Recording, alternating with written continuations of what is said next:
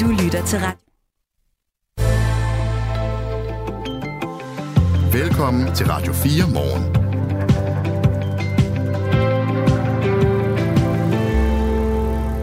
Regeringen og SF er blevet enige om en undersøgelse af FE-sagen og den såkaldte Samsam-sag, men SF er løbet fra en aftale, det mener blandt andet Danmarksdemokraterne, og om lidt får vi en reaktion fra Peter Skåb fra netop Danmarksdemokraterne.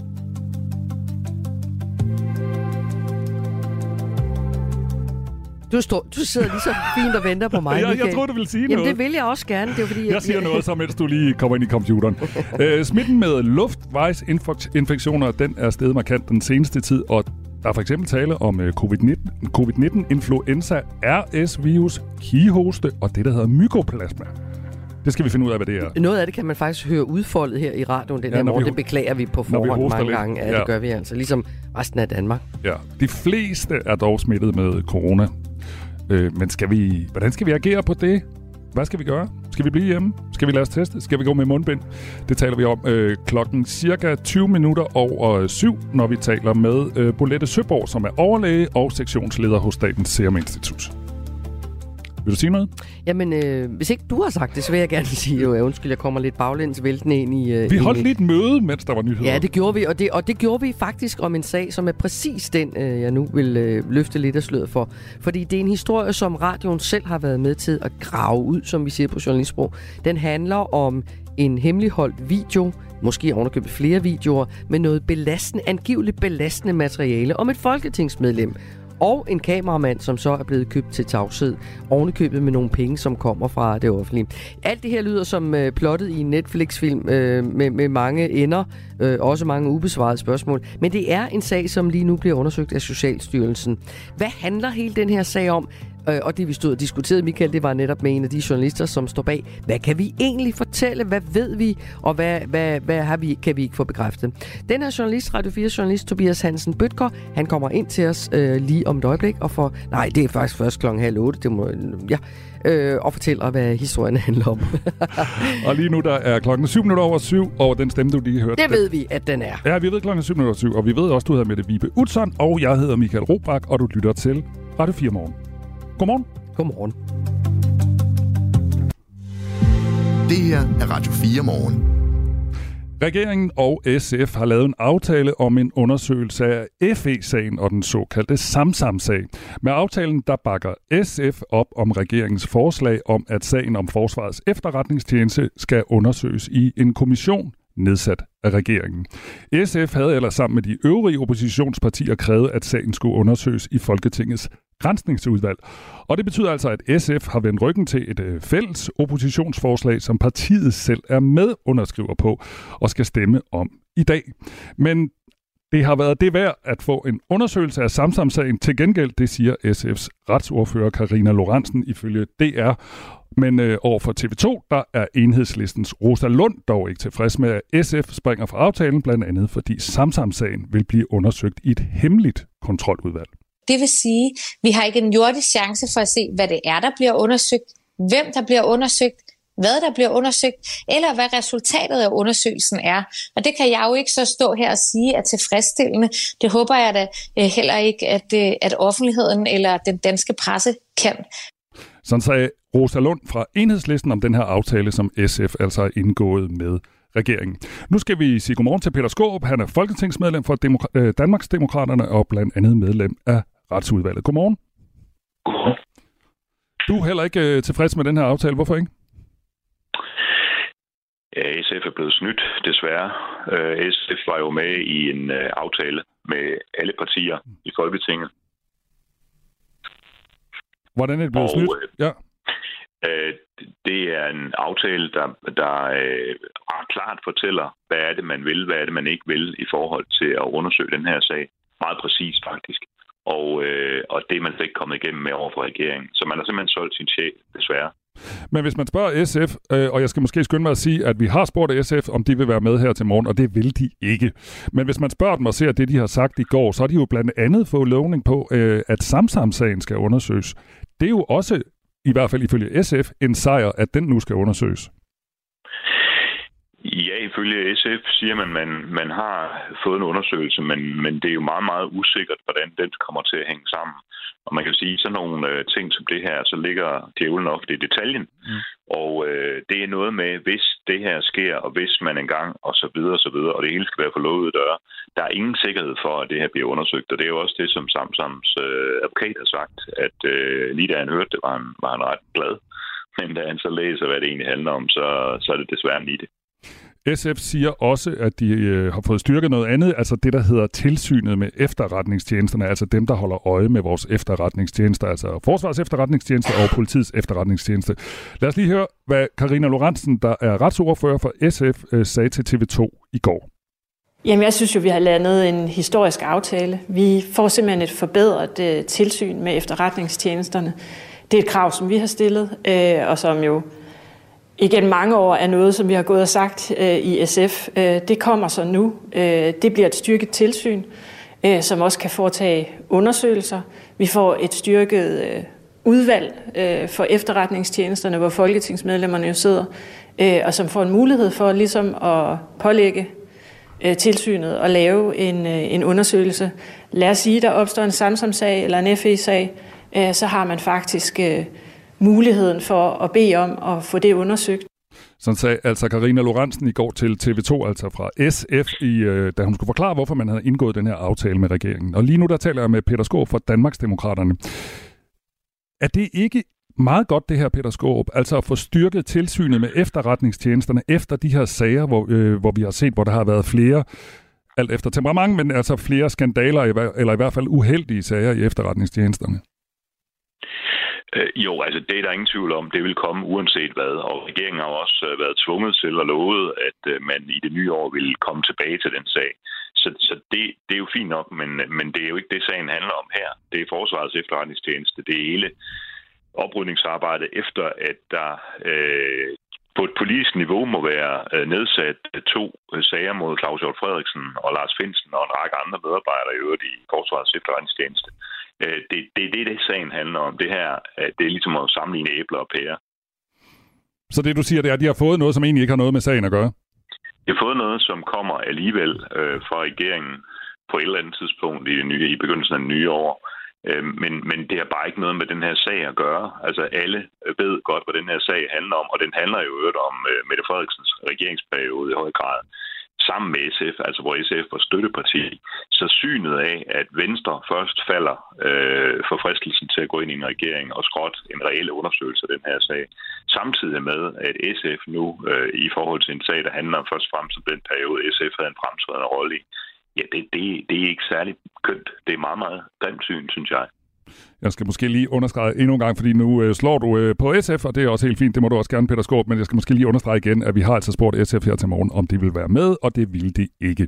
I den her aftale, som SF har lavet med regeringen, der hedder det også, Undersøgelsen skal omfatte alle relevante myndighedspersoner herunder minister og skal belyse, om der i forbindelse med efterforskning og retsforfølgning er varetaget usaglige hensyn, herunder for eksempel politiske eller personlige interesser. Og den sidste formulering er vel værd at bemærke, altså om der er taget usaglige hensyn herunder politiske eller personlige interesser. Er det ikke nyt, og er det ikke bedre end det, der var lagt op til? Nej, faktisk ikke. Det er samme snævre som juridiske ramme, om der er varetaget usaglige hensyn. Det er det, man har kørt med hele vejen igennem på regeringens side, og dermed et meget snævert mandat. Det, der er udfordringen her, det er, at det, det begrænser sig jo udelukkende til efterretningstjenesterne og anklagemyndigheden. Der, hvor den store politiske interesse er, og det, det var det, som SF tidligere mente, og, og vi kommer til at stemme om i Folketinget i dag, det er jo det politiske niveau. Altså det er, hvad der foregår i statsministeriet omkring øh, hele den her sag, hvad der foregår i justitsministeriet omkring den her sag.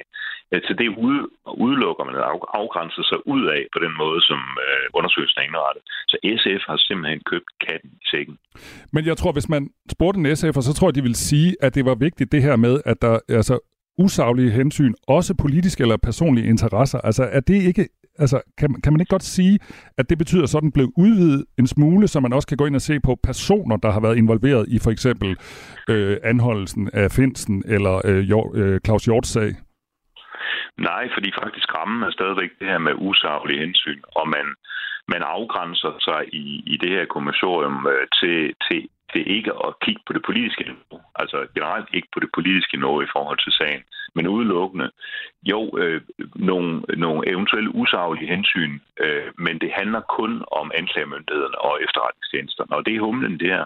Og så også, at det skal foregå øh, bag lukkede døre endnu en gang. Det skaber jo det problem, at der slet ikke er ejerskab i Folketinget til det her langt hovedparten af partierne øh, er, ikke, er ikke enige. Der er kun regeringsnævre flertal, og så SF, som agerer øh, øh, kloven i det her spil. Der var sådan lagt op til sådan lidt drama i eftermiddag i Folketingssalen, altså hvor blandt andet, eller oppositionen, altså og indtil nu også SF, øh, ville have, at den her øh, undersøgelse skulle ligesom ligge i Folketinget. Altså det var Folketinget, der skulle eje undersøgelsen. Nu er SF jo så ligesom gået øh, sammen med øh, regeringen. Hvad kommer der så egentlig til at ske i dag? Ja, der bliver en afstemning, og øh, jo øh, de her mange partier, altså alle partier undtagen regeringen, og nu SF vil jo stemme for det beslutningsforslag, der går på at undersøge den her sag reelt. Og jeg tror så, at der kommer et efterspil også med, med danskerne, fordi jeg tror, at der er rigtig mange danskere, som er dødtræt af, at man skal have alle de her diskussioner om undersøgelser, og hvorfor blev det ikke, og sådan noget. Det er man dødtræt af, fordi man simpelthen synes, at regeringen kører selv øh, og, og, og holder hånden over sig selv. Øh, måske i virkeligheden ikke så meget over det, man gør lige nu, men det, man øh, gjorde, og det er så Mette Frederiksens regering øh, i sidste valgperiode. Det er jo der, ulykkerne er sket. Men Peter Skåb, regeringen har jo flertal, så har SF ikke bare været klogere end jer andre og fået indflydelse på sagen? Ja, altså, det vil jeg da meget gerne øh, overbevise om, at det, det er det, der sker. Men, øh, men når nu Samsam, det er vi enige om, eller advokaten i hvert fald, der, der agerer på Samsam, er helt, helt enige om, at, øh, med sig selv om, at det er, det, det er ingenting. Øh, når jeg nu kan konstatere, at, at i forhold til øh, undersøgelsen omkring øh, Forsvarets efterretningstjeneste og sagerne med Finsen og Claus Hjort Frederiksen ikke bliver undersøgt reelt. Øh, det beslutningsniveau, det, det politiske niveau, bliver ikke undersøgt. Det sker i åbenhed. Øh, og så ender jeg altså, at, at det, man i virkeligheden kommer igennem med, og det er jo rigtigt nok, det, det gør man da omkring tilsynet, jamen det er jo noget, der vil komme alligevel. Altså, ja, så er vi jo ved, ved, ved ingenting. Det er noget, der niks. Det blev det sidste ord. Tak, fordi du var med i Radio 4 morgen, Peter Skåb. Selv tak. Og klokken den er 17 minutter over syv. Det her er Radio 4 morgen. Baruch atah Adonai Eloheinu melech. Det er ikke så ofte, Michael Robach, at vi spiller jødiske sange i radioen, og når Nej. vi gør det i dag øh, med denne her, så er det fordi, det er en af sangene fra den otte dage lange markering af den jødiske højtid, Hanukkah, som begynder i aften. Det er den højtid, hvor jøderne fejrer lyset og mirakler ved at tænde et lys om dagen, spise nogle bestemte retter og åbne gaver. Og det gør man til minde om en generobring af et tempel i Jerusalem for mere end 2000 år siden. Og spørger man dig, Michael Rakling, som er kommunikationsansvarlig i det jødiske samfund i Danmark, så er markeringen af Hanukkah, eller fejringen er det vel, særlig vigtig i år på grund af krigen øh, mod Hamas. Godmorgen. Godmorgen. Hvorfor er det, ja det giver næsten sig selv, men kan du sætte nogle ord på, hvorfor det bliver vigtigere for jøder at, øh, at, at fejre, at markere i år? Øhm, jamen altså, det er jo vigtigt hvert år, men man kan sige, at i år at det er jo øh, den første jødiske øh, højtid, der kommer efter den 7. Den 7. oktober var helligdag, der hedder Simchat Torah. Så nu kommer den første, og øh, jamen, jeg tror, Ligesom, øh, ligesom øh, jul er en, er en anledning for, dans, for danske kristne til at, at mødes og lige catche op på hinanden, så er det for rigtig mange jøder, at man mødes til en, øh, en lille Hanukkah komme sammen og lige høre, hvordan man har det. Så det, det er en anledning til så det, at stå sammen. Absolut. Så det er det sociale også, øh, som du, som du beskriver det her. Det er det der med at mødes i en tid, som er rigtig, rigtig svær. Det er primært det sociale, ja. ja. Det tænker jeg, det er. Vi talte med uh, Allan Sørensen, som er Kristi Dagblads uh, korrespondent, uh, bosiddende i Israel, også med israelsk familie, uh, tidligere i morges, om at, at uh, Hanukkah i Israel ofte bliver knyttet til noget politisk også. Prøv at høre lidt af, hvad han sagde. Det vil være svært, tror jeg, for israelerne ikke at blande uh, Hanukkah ind i ind med politik. Uh, og der bliver taget alle mulige uh, tiltag, for eksempel i den, den by, der hedder Sterot, som ligger lige over for Gaza, der er der hejst en, en 7 meter høj, niarmet øh, lysestage. Altså en virkelig massiv lysestage, hvor der så skal tændes lys midt i byen. Og det er selvfølgelig en, en eller anden form for erklæring øh, en håbserklæring, kan man sige, fra Israels side, men også, også at bruge højtiden til at vise, at man øh, bevarer håbet, man tror på, at der vil ske et mirakel, og at man, øh, at man ikke vil lade sig kue. Samtidig med, at, at Hanukkah selvfølgelig også symboliserer for israelerne øh, øh, kampen mellem lyset og mørket. Ja, Michael Raklin, oplever du også det i det jødiske samfund i Danmark, at, at øh, som du siger, det, det, er, det bliver en, øh, en, øh, en højtid, som i år vil handle om at, at stå hinanden nær og, og kramme hinanden, som du beskrev det, men at det også bliver en politisk højtid i Danmark også? Ej, det tror jeg umiddelbart er noget specielt israelsk. Altså jeg vil sige, vi har jo øh, min lille, min lille, mit lille samfund i Danmark. Vi er ikke ret mange, men jeg tror, jeg kunne tælle mig den anden dag til, at der var 12 forskellige Hanukkah-fejringer. Og en af dem var sådan nogen, der hedder, nogen, der hedder New Outlook, som er sådan en dansk jødisk fredsbevægelse, som holder, holder noget sammen med nogle muslimer. Øh, så er der måske nogen, der har en anden vinkel på det. Øh, der er jo der er jo forskellige foreninger og klubber, der holder, der, der, der holder noget. Jeg, jeg, jeg, jeg tror simpelthen ikke, det er særlig politisk i Danmark. Øh, øh, men jeg kan jo ikke tale for alt. Nej, det er rigtigt. Men, men hvad skal du selv? Hvordan skal du selv fejre? Eller markere? Øhm, havde, Hvad siger man ja. egentlig, Michael? Siger man fejre eller markere? Eller ja, det er, en, det, er en, det er en fejring. Det, ja. er, det, det, er, det, vi kalder det en festdag, for det er sådan set ikke en heldig dag. Den er ikke sådan, at man ikke må arbejde eller noget. Men, men det er en festdag, og øh, altså min, øh, min øh, datters... Øh, som jeg, jeg far, hun kom her i går, og, fordi hun ville have de her uh, latkes, som er sådan en kartoffelpandekage øh, som hun havde glædet sig meget til. Og, altså, det er jo dybest set igen, at vi giver sine børn pomfritter det, var, det var sådan noget skide populært. No. Øh, og det, så det fik vi, fik vi i, i, går, i går aftes, og så, øh, så er der jo nogle, der er to øh, offentlige øh, lystændinger i København, som jeg, jeg håber kunne deltage i hvert fald mm. i den ene af dem. Ja. Så, så det handler ja. meget mad, og det gør det jo i rigtig mange religioner, kan man sige, når man fejrer noget, så handler det om mad. Øh, her, øh, øh, jeg vil ønske dig rigtig god fejring, men jeg vil også spørge dig, Michael, er der alligevel også en eller anden øh, smerte i at øh, fejre og markere en højtid i skyggen af alt det, der foregår i Gaza? Jamen, jeg tror, at vi ligesom, vi ligesom, øh, altså ligesom når danskerne, øh, kristne danskere holder jul, så, så vil man være påvirket af, at der er masser af civile ofre i Gaza, og der er stadig folk, der sidder som gisler i israelske gisler i Gaza, og der er stadig raketter, der kommer fra Gaza ind i Israel. Og det er jo, det er jo en ulykkelig situation, som, som, som både danske jøder og danske palæstinenser ville ønske forsvandt i morgen. Mm. Øh, så, så, så, så det, er jo en, det, er jo en, det er jo en sorg, og det er jo ligesom en sorg, man, man ligesom skal have med i, i noget, som man, som, man, som er en festlig fejring, og som er social, som en social begivenhed. Det, det, må man, det må man jo prøve at finde en balance med. Ikke? Mm. Ligesom når, vi, når, når vi også skal holde jul. Ikke? Ja. Tak skal du have, Michael Raklin, og ja, rigtig god Hanukkah. Ja. Og tak, ja, tak, fordi du var med kommunikationsansvarlig i det jødiske samfund. Det her er Radio 4 morgen. Smitten med luftvejsinfektioner er steget markant den seneste tid. Det er øh, stort set alle luftvejsinfektioner, der er i stigning. Det meddeler Statens Serum Institut. Der er for eksempel øh, tale om covid-19, influenza, RS-virus, kihoste og mykoplasma. Flest er dog smittet med corona. De seneste tal fra Serum Instituttet viser blandt andet, at antallet med smittet med mykoplasma, altså ikke corona, men mykoplasma er steget fra ca. 4600 i uge 47 til 5900 i uge 48. Bolette Søborg er overlæge og sektionsleder hos Statens Serum Institut. Godmorgen. Godmorgen. Hvorfor går det helt amok med de her luftvejsinfektioner lige nu? Altså når vi går ind i efterår og vinter, så, øh, så med vejret og lyset, og vi kommer indenfor og kommer tættere på hinanden, så er det vanligt, at vi får en stigning i sygdomme, der smitter øh, via luftvejene, og det er også det, vi ser nu. Er det helt almindeligt, hvis nu vi lige ser tilbage eller til, til tiden før corona og sådan noget, altså er det almindeligt, det der sker nu, eller er det sådan særligt øh, slemt? Ja, altså det er almindeligt på den måde, at RS-virus og influenza, som du nævner, de kommer hvert år. Og de kommer nogle gange i, med større styrke end, end andre, men de kommer hvert år. Så er der kihoste og mykoplasma. De kommer ikke hvert år. De kommer måske i et fortal, men så kommer de hver tredje, fjerde år øh, med større styrke, og de kommer altså samtidig i år. Så kan man sige, det er en smule usædvanligt. Mm. Og så har vi set med især kihoste, at det er rekord mange, der er smittet.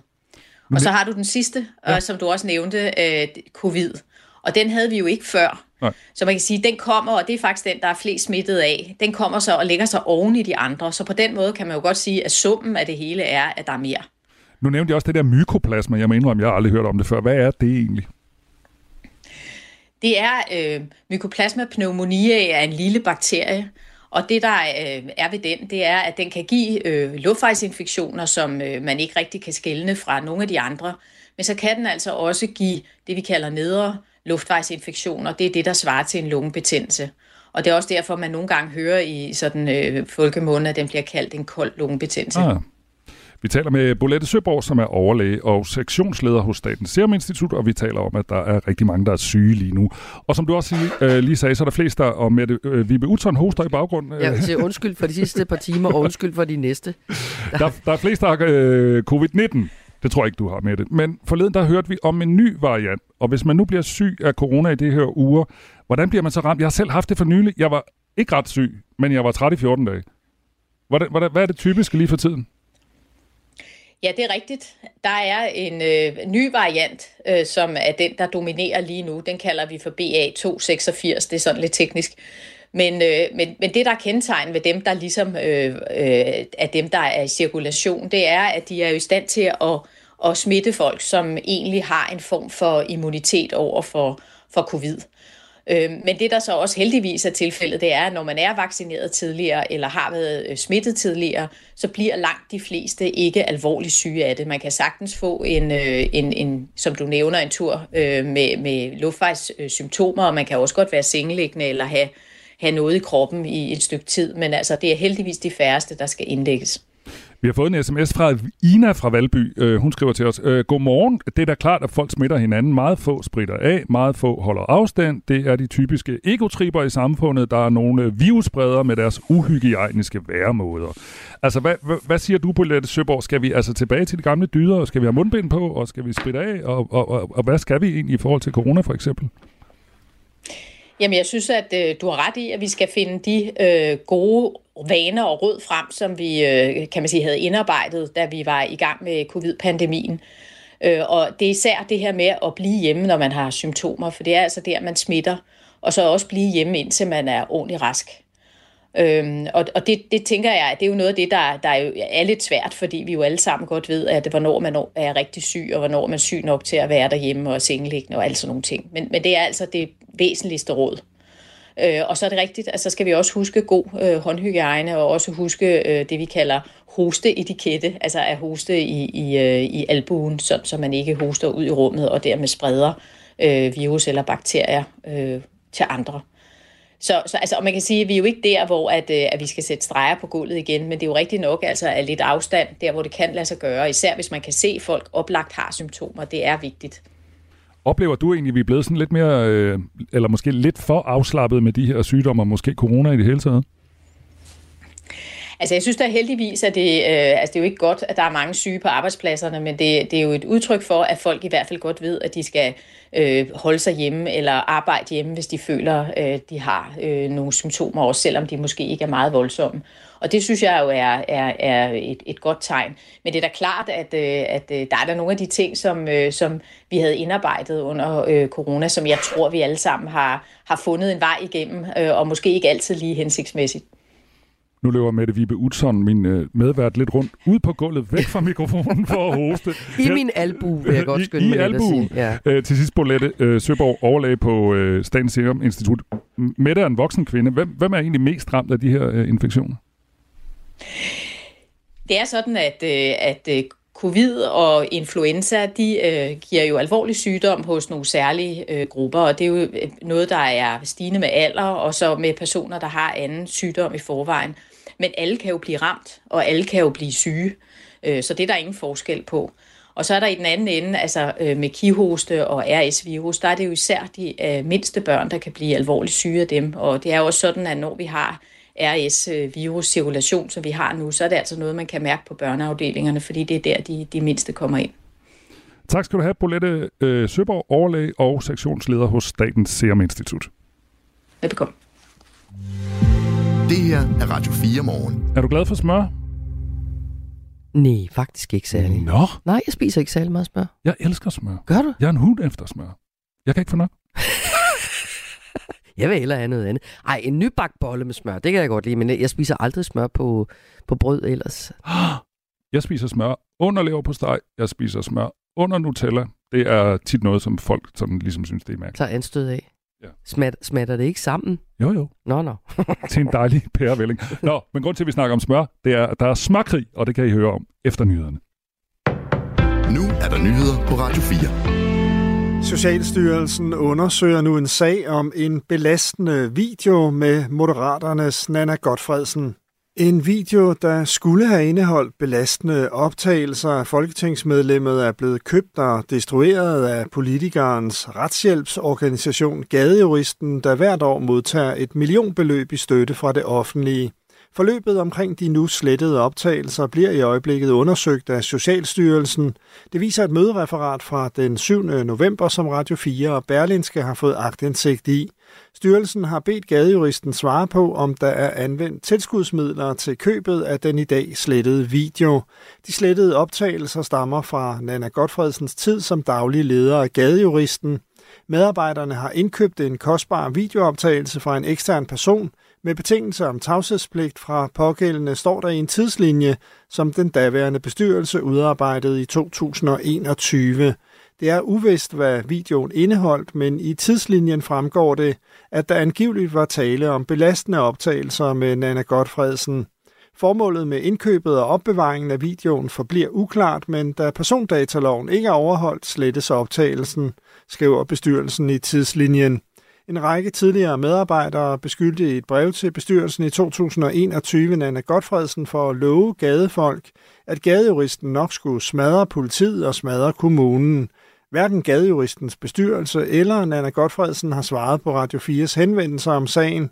Over for Berlinske understreger hun dog, at hun i sine 25 år som gadejurist aldrig har været fysisk over for embedsmænd eller politiet. SF er gået sammen med regeringen om en undersøgelse af både FE-sagen og den såkaldte Samsam-sag, og selvom en undersøgelse kan virke opmuntrende for Ahmed Samsam og hans advokat Erbil Kaya, så er aftalen deprimerende læsning, siger advokaten. I bund og grund virkede som en form for hold kæft for alle de øh, kræfter og journalister og så videre, som, som gerne vil have øh, kendskærningerne og sandheden frem i, i Samsam-sagen. Det hele skal foregå bag lukkede døre, siger han. Selve undersøgelsen skal foretages af tilsynet med efterretningstjenesterne. Herefter skal der afrapporteres til udvalget for efterretningstjenesterne, som også er lukket, og hvor medlemmerne har tavshedspligt, siger Erbil Kaja. Så jeg undrer mig bare over, hvad, hvad skal vi bruge det til, når man hverken kan drage nogle konklusioner øh, eller handle på det. Altså vi har jo brug for noget konkret der kan rense øh, Ahmed Samsam, øh, og det, det mener jeg ikke, at man kan med det her. Så for mig at se, så er det en eller anden form for syltekrukke, eller at man prøver at vise, at man gør noget i den her sag, øh, og så kommer det til at ende i absolut ingenting. Ahmed Samsam blev i 2018 idømt 8 års fængsel i Spanien for terror. Han hævder dog selv, at han har arbejdet som agent for danske efterretningstjenester. Senatet i USA har nedstemt hjælp til Israel og Ukraine. En hastelov, der skulle sende milliarder af dollar i amerikansk støtte til Ukraine og Israel, er blevet stemt ned i senatet. Det er republikanerne, der har blokeret for loven, fordi de vil have strengere kontrol med grænsen til Mexico, inden de stemmer for. Det udgør en trussel mod USA's præsident Joe Bidens planer om at sende ny hjælp afsted til de to lande inden udgangen af i år. Selv hvis Bidens plan bliver stemt gennem i senatet, skal det også godkendes i repræsentanternes hus, hvor republikanerne har flertal. Råvejr med stedvis tåge, lidt regn, slud eller sne hister her. Temperaturer omkring frysepunktet og svag til let nordøstlig vind. I aften og i nat skyet og diset og stedvis tåget. Det her er Radio 4 morgen. Husk, at du kan sende os en sms på 1424. Ja, klokken er blevet over halv otte, og nu skal vi tale om en sag, som Radio 4 sammen med Berlingske har været i gang med at afdække hen over en øh, længere periode. Nu er der så kommet nyt i den her sag, og det nye handler om blandt andet om en video med noget angiveligt belastende materiale om øh, det medlem af Moderaterne i Folketinget, som hedder Nana Godfredsen. Øh, en retshjælpsorganisation, som hun har arbejdet for, Gadejuristen, skal have betalt for en video og også efterfølgende øh, fået den slettet. Øh, det er det, som øh, den her historie blandt andet handler om. Og den kan vi fortælle sammen med Berlingske på baggrund af mails og dokumenter fra Socialstyrelsen, som vi har fået agtindsigt i. Og en af dem, der har fået agtindsigt, det er dig, Tobias Hansen Bøtger. Velkommen her i studiet. Tak. Øh, du er journalist på Radio 4. Prøv en gang, vi er alle sammen enige om, at den er lidt kompliceret, den her sag. Så nu spidser vi lige ører, så prøver vi at forenkle den lidt. Hvad er det for en angiveligt belastende video, som den her organisation, øh, som hedder Gadejuristen, har købt? Jamen, det er fuldstændig rigtigt. Den er måske lidt kompliceret at skulle forklare den her historie, fordi det oplagte ville selvfølgelig være at sige, nu skal du høre, at den her video, det hele det handler om, den viser det og det. Men det, det ærlige svar det er, at vi ved ikke, hvad der er i den her video. Vi ved bare, at øh, det er en video, som er optaget, imens Nana Godfredsen har været øh, daglig leder af Gaderisten, som hun selv var med til at grundlægge. Mm. Og at, øh, at den her video øh, på et eller andet tidspunkt, ligesom øh, medarbejderne i Gaderisten på et eller andet tidspunkt ligesom finder ud af, at der eksisterer en video, og øh, de øh, vurderer så, at det indhold, der var i den, øh, var så belastende, at man siger... Altså for Nana Godfredsen? Det er i hvert fald, vi kan i hvert fald bare se i en mail, som, et, øh, som bestyrelsen har udarbejdet, det er sådan en tidslinje, at øh, de skriver, medarbejderne har indkøbt en øh, video, som, som de kalder belastende. Mm-hmm. Og så skriver bestyrelsen så, at de antager, at det er i forhold til Nana Godfredsen. Så altså, det er selvfølgelig også lidt øh, specielt det her med, at vi ikke kan sige præcis, hvad der, hvad der sker i den her video her. Men vi ved, bestyrelsen har øh, formuleret, øh, at det skulle være en belastende mail, eller hvad hedder det, en belastende video, og vi ved, at øh, Gadeøsten har købt den her video. Og så ved vi også, at den er blevet øh, destrueret i dag. Og hvorfor er det en god historie?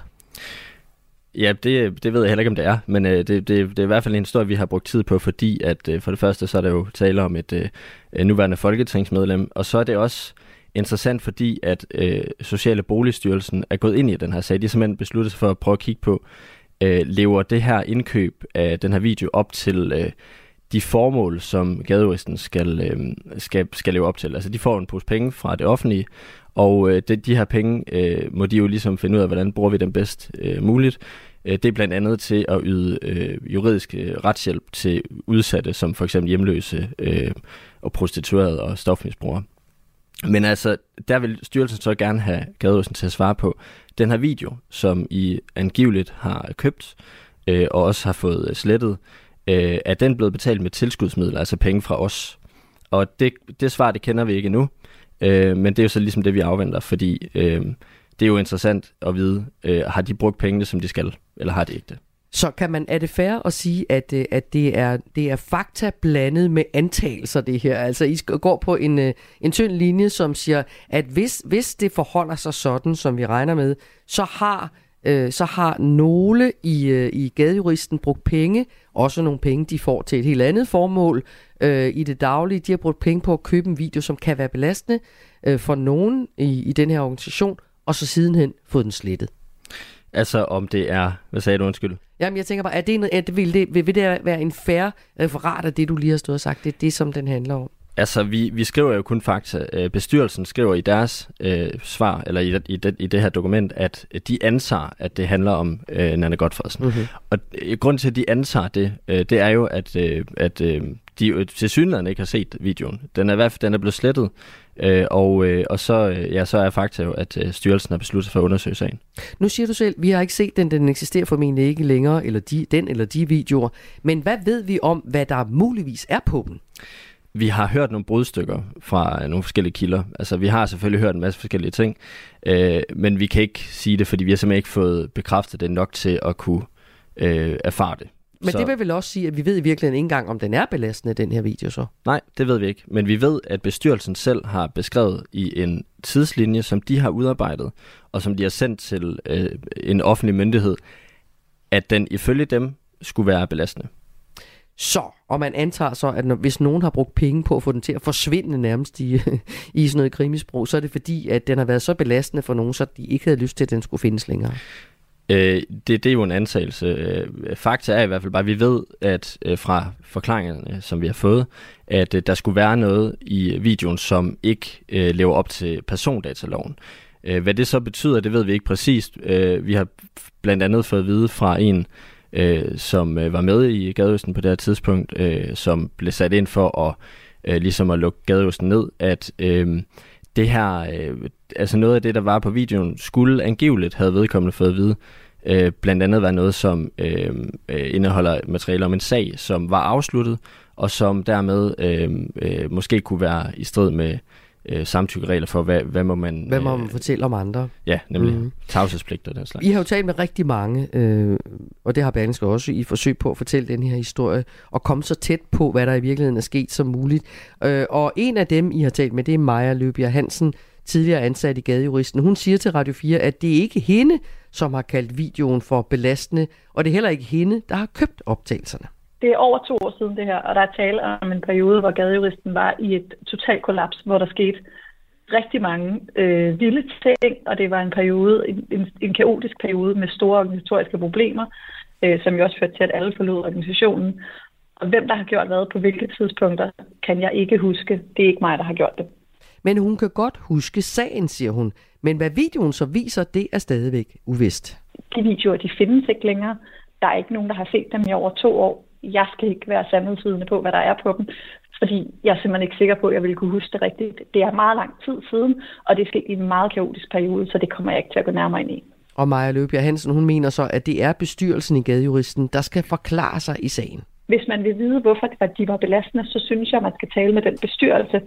Jeg skal ikke stå til ansvar for, hvad en tidligere bestyrelse, som jeg har taget et aktivt fravalg om ikke at arbejde for, har sagt i en redegørelse til en styrelse super kompliceret, Tobias, alt det her, ikke også? Øh, men hvad siger bestyrelsen så om den her video, når I spørger?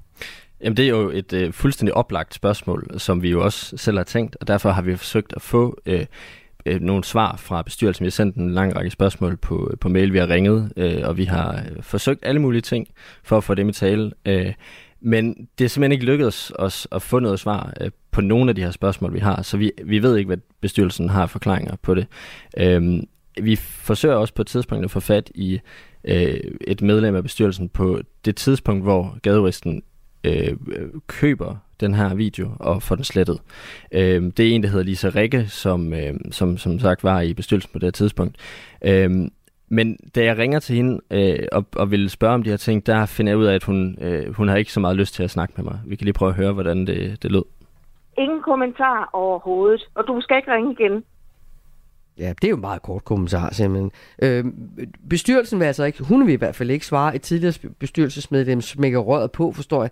Hvad siger Nana Godfredsen, hende der angiveligt er hovedperson i den her video, selv til alt det her? Ja, altså vi ved jo ikke, om hun er hovedperson i videoen. Det er vi ved... angiveligt. Det ja. betyder, vi ved det ikke, men vi går ud fra, at der er nogen, der mener det. Ja. ja. Men altså, vi, vi har også prøvet at få fat i Nanne Godfredsen, som vi har ringet til og skrevet til, og vi har forsøgt igennem Moderaternes pressetjeneste. Hun har ikke øh, svaret os. Øhm, men Berlinske, som vi jo har samarbejdet med i den her sag, de har øh, fået en kommentar fra hende. Og øh, i, i den her skriftlige kommentar fra Nanne Godfredsen til Berlinske, der skriver hun, at øh, altså for det første så siger hun, hun kan ikke genkende det billede, der bliver tegnet af hende. Der bliver jo tegnet et billede af hende, hvor øh, hendes adfærd også bliver beskrevet i nogle breve fra tidligere med, medarbejdere som problematiske. Øh, og så siger hun i svaret, at hun synes det er helt vildt, at hun stadigvæk skal forholde sig til øh, det, hun kalder for diverse anonyme og udokumenterede påstande, og så forstår hun ikke, at det bliver lavet en, en historie om, om en slettet video, som øh, hun siger, at hun ikke kender det nærmere indhold af. Øh, hun siger, at den blev købt øh, og slettet, mens hun var på overlov, øh, og så siger hun også, at hun synes, der er gang i en smedekampagne imod hende.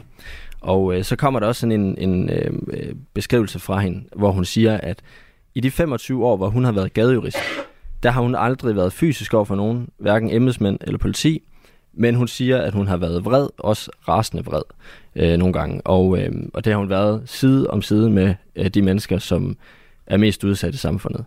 Og øh, ja, altså, og det skulle være sket, når, eller det siger hun, at det, er, det har hun været, når myndigheder ikke har levet op til deres lovmæssige ansvar og forpligtelser over for dem.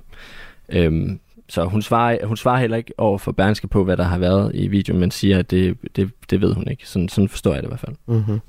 Øh, hvad er det, vil du sige, Tobias Hansen Bøtger, som er altså journalist her på Radio 4, og som har været med i at forsøge at hvad skal man sige, redde den her historie ud. Hvad er det så, den her undersøgelse, som er i gang i Socialstyrelsen øh, lige nu, hvad, hvad er det, den skal munde ud i? Hvad, hvad handler den om?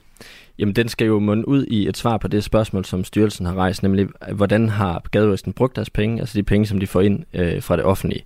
Øhm, og øh, det, altså, det er det, de fokuserer på. Vi har jo tidligere på Radio 4 beskrevet nogle historier, blandt andet en om et køb af en uh, tuk-tuk, det er sådan en trehjulet knallert fra Italien, som uh, Gadejuristen købt i øh, 2020, øh, og den kostede 88.000 kroner, og øh, den var ikke betalt med øh, tilskudsmidler, øh, lyder forklaringen fra Gadeøsten, men derimod det, de kalder for egne midler. Øh, det, der var interessant i den historie, var, at øh, Nana Godfredsens daværende kæreste fortalte os, at han havde kørt rundt i den her tuk-tuk. Øh, og, men er altså, det det, undersøgelsen handler om? Nej, altså under, undersøgelsen handler om, altså når de, når de tager den sag op med tuk-tukken, så spørger de gadejuristen, hvordan har, øh, altså er der, er der brugt tilskudsmidler på det her? Øhm, og, når, og så får de et svar på det. De har også spurgt, om, øh, at, om der er brugt øh, tilskudsmidler på indkøbet af en campingvogn, for eksempel. Mm-hmm. Hvad er den blevet brugt til? De har også kigget lidt på, øh, at der har været nogle oplysninger frem om, at der har været bilagsråd, for eksempel. Hvordan har I håndteret bilag internt? I... Så, så jeg skal bare lige forstå, Tobias, her afslutningsvis. Så det her med, om der er blevet brugt penge på at købe en video, og som så sidenhen angiveligt skulle være destrueret, det er en del af en større undersøgelse? Ja, det er det. Ja. Vi følger øh, sagen tæt. Tak skal du have, fordi du kom. Selv tak. Øh, og i et skriftligt svar til Radio 4 skal jeg måske lige sige, at Moderaterne skriver, at partiet, citat, kan og vil ikke forholde sig til udokumenterede og anonyme påstande, som i øvrigt tidsmæssigt henhører til en periode, hvor Nana Godfredsen ifølge det oplyste havde overlov for gadejuristen og heller ikke endnu var valgt for Moderaterne. Du lytter til Radio 4. Smørkrigen er i gang. Den store, farlige smørkrig. Den store danske smørkrig. Og i øjeblikket, der fører Netto, som øh, lige nu har smør på tilbud til 7 kroner. Og lige efter Netto, der følger Coop med 9 kroner, og så kommer både Menu, Spar og Føtex med smør til 10 kroner. Jesper Bjerring er kommersiel direktør i Menu. Godmorgen. Godmorgen. Dejligt, du vil være med, men jeg bliver jo simpelthen nødt til at ødelægge den gode stemning fra start. Hvorfor er jeres smør ikke lige så billigt som i Netto? Jamen, jeg vil egentlig gerne starte med at sige, at så har vi lavet interviewet lidt for sent, fordi vi var ude allerede fredag i uge 47 med, øh, med smør til 6,95 til ah. vores mest loyale kunder. Så vi har allerede været ude og, og give en rigtig skarp pris til, øh, til vores fordelskunder. Så, så vi har været der allerede, og vi har også priser, som du selv siger nu her, på, øh, på smør til, til 9,95. Men til nogen kunder kun, kan jeg høre. Ja, men det er det, og det er fordi, vi, vi laver jo altid øh, vores planlægning ud fra, hvad vi tror, der giver værdi for vores kunder, og her der var vi meget nysgerrige på selvfølgelig også at få, øh, få endnu flere til at være opmærksomme på vores fordelsprogram, vi har i, øh, i menu. Så derfor så, så valgte vi fredag i uge 47 at gøre det til vores fordelskunder. Vi skal brede smørsnakken lidt ud, og vi skal også sige godmorgen til kommunikationschef hos Salling Group, Jakob Krogsgaard Nielsen. Godmorgen. Godmorgen. Ja, Salling Group øh, har kæderne Bilka, Føtex og Netto, og alle tre kæder har smørtilbud på forsiden af tilbudsavisen. Hvorfor? Jamen smør, det øh, er jo en af de varer, øh, der hen over julen øh, står rigtig højt på indkøbslisten for, for, for rigtig mange danskere. Og derfor er det jo også en vare, som, som rigtig mange kører ud efter og, og har brug for i julen. Øhm, og så er det jo klart, at, at vi har et fokus på, på prisen på de varer, og særligt smør, som jeg tror rigtig mange danskere har en fornemmelse af, hvad, hvad sådan den normale pris er på og dermed også kan, ske, eller kan se øh, ved selvsyn, hvor, hvor stor en, øh, en, en besparelse det er. Øhm, og derfor er det også noget, vi dyrker. Og så krydser vi jo fingre for, at når, når danskerne de, øh, de taster smør ind på GPS'en, øhm, at så, øh, så, så lander de i hvilke Føtex eller, eller Netto, hvor det i øvrigt er til 6,95 og ikke til 7 kroner lige ud. Oh. Og det er til alle kunder, og ikke kun de allermest loyale. Ah. Krigen fortsætter her i radioen. Krigen fortsætter i radioen. Er det fordi, øh, Jacob, er det fordi, at øh, I lokker folk ind med smør, og når de så er derinde, så køber de nogle af jeres andre produkter også. Altså er smør sådan en, en, en lokkedue? Det er jo, det, det er jo klart, og, og, og at sige andet vil jo være at, at lyve. Øh, når vi sænker prisen på, på smør og en masse andre populære julevarer, så håber vi jo selvfølgelig, at, øh, at, øh, at, at, at kunderne de, de klarer størstedelen af, af, jule, af juleindkøbene i, øh, i vores butikker. Så ja, det er da helt naturligt en, øh, et, et, et håb og en, en helt klar kalkyle, der, kalkyle, der er gjort, at de ikke kun øh, svinger forbi for at købe, købe smør, sødmælk og, og en pose franske kartofler, men, men også tager lidt mere med hjem. Jakob Bjerring, kommerciel kommersiel direktør i Menu. Når I også har billig smør nu, tjener I så noget på det smør, eller, eller hvad? Altså, er, er det så billigt, så, så I ikke tjener en krone på det? Altså, isoleret på, øh, på smøret, så, øh, så gør vi ikke, og det vil jeg også være ærlig at sige. Men, øh, men vores tilgang er egentlig også, at vi, øh, udover at vi har billig smør, så er vi jo også meget mere end det. Så, så vi er ikke kun billige øh, smør, og det er også det, vi ønsker at invitere kunderne ind til. Så udover vores fordelsprogram, så er det jo selvfølgelig også at fortælle alle de andre gode historier, som, øh, som vi også har på forsider med vores øh, store julevarer. Det er også, at vi har dansk gris for eksempel, vi har frilandsgris. Øh, så det handler altså ikke kun om de prisbillige varer. Øh, så udover at vi har de her prisbillige varer, så går vi jo også op i vores faglighed. Så vi inviterer jo ind til, øh, til det faktum, at vi er i menu. Vi har grønt gastronomer, vi har ølkendere, vi har detailsommelier. Ja. Det, det er live reklame i radioen, det her. Så, så jeg, synes jo, jeg synes jo selvfølgelig, at jeres spørgsmål her, om det her det er en lokkedue, det er det, og det vil jeg jo også være ærlig at sige, det er.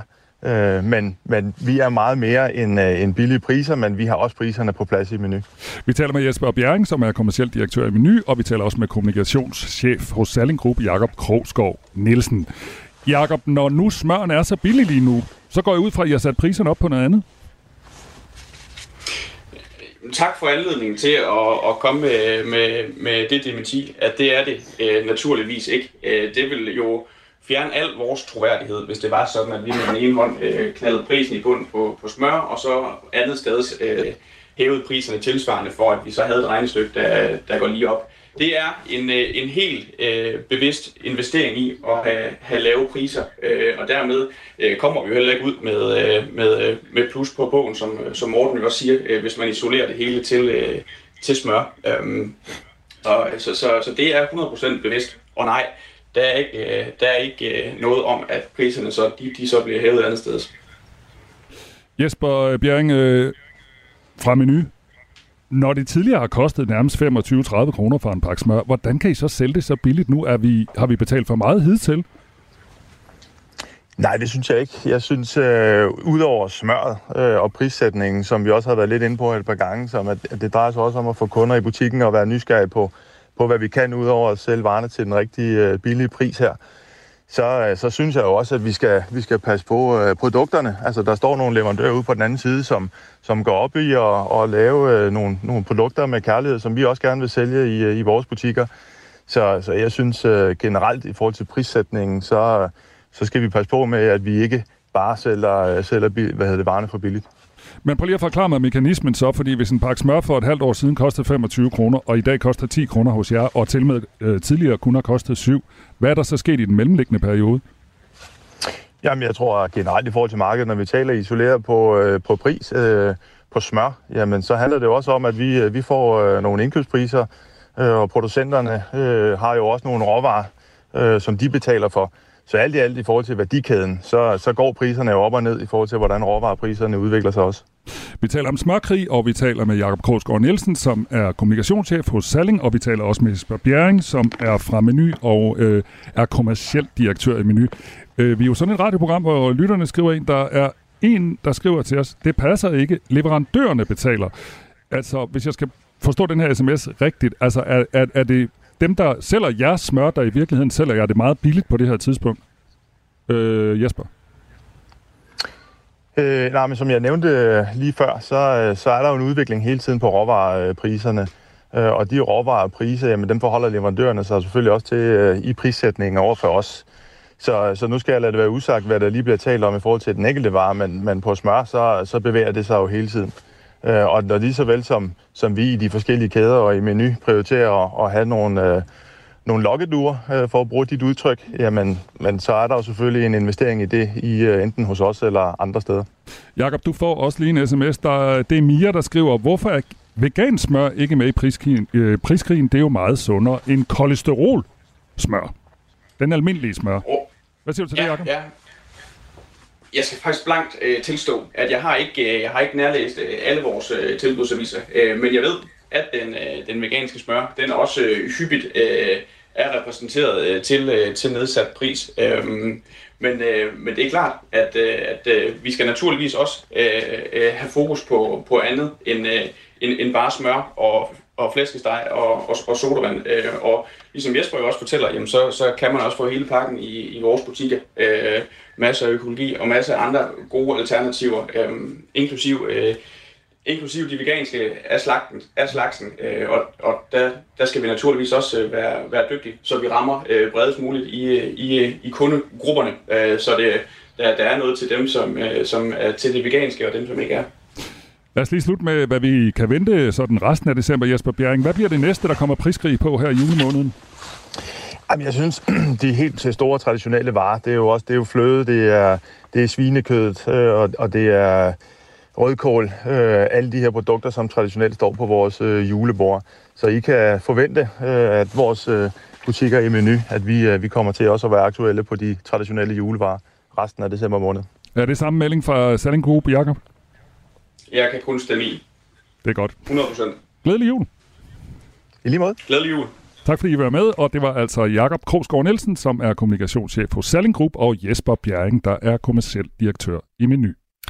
Og inden vi nu afrunder smør, den store danske smørkrig øh, helt, ikke? Ja. så er der, det kan godt være, at priserne er faldet, og man kan godt diskutere lidt. Jeg synes, det var lidt nogle afvigende svar, vi fik på, hvem betaler egentlig regningen. Er det landmænd, eller hvordan der var ledes at nu lige det er, ikke? Mm. Ja.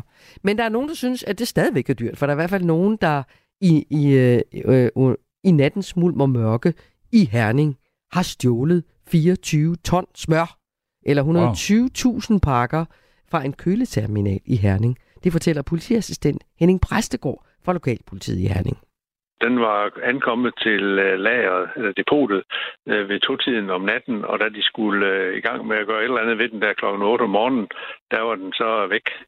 Og der kunne de så se, at øh, på noget overvågning, de har, der var blevet hentet af to mænd øh, i løbet af, af natten der, i de timer, der nu er gået. Efterfølgende er den så fundet øh, tømt traileren, og der stod den på en adresse nede i Ølgod.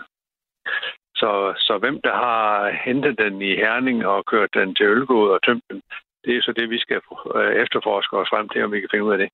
Og der er ret mange ubesvarede spørgsmål, og et eller andet kunne passe, hvor, hvor i alverden gør man der så mange 120.000 pakker smør.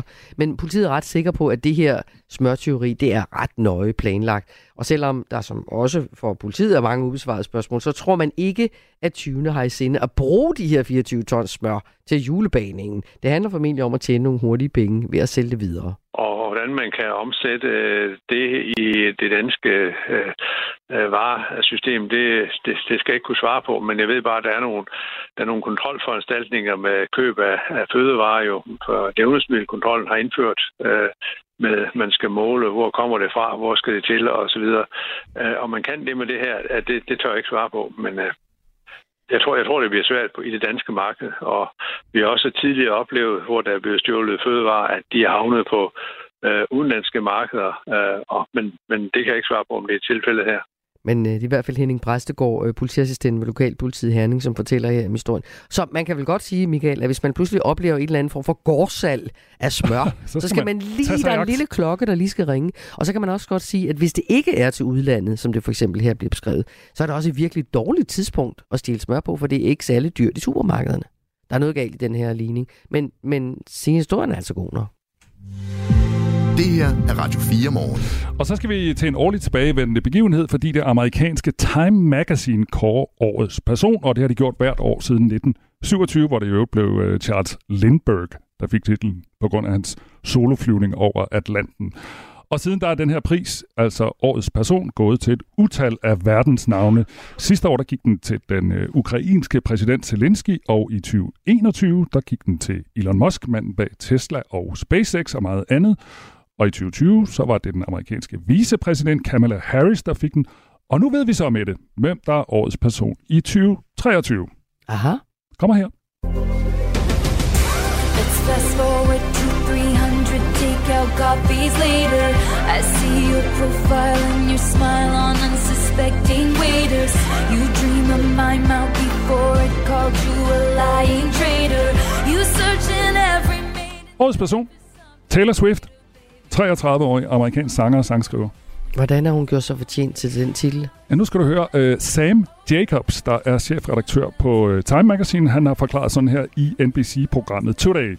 At vælge en person, der repræsenterer de 8 milliarder mennesker på planeten, er ingen let op- opgave. Vi træffede et valg, der repræsenterer glæde. En, der bringer lys til verden. Hun var ligesom vejret. Hun var over alt. Sådan sagde han ifølge Berlingske.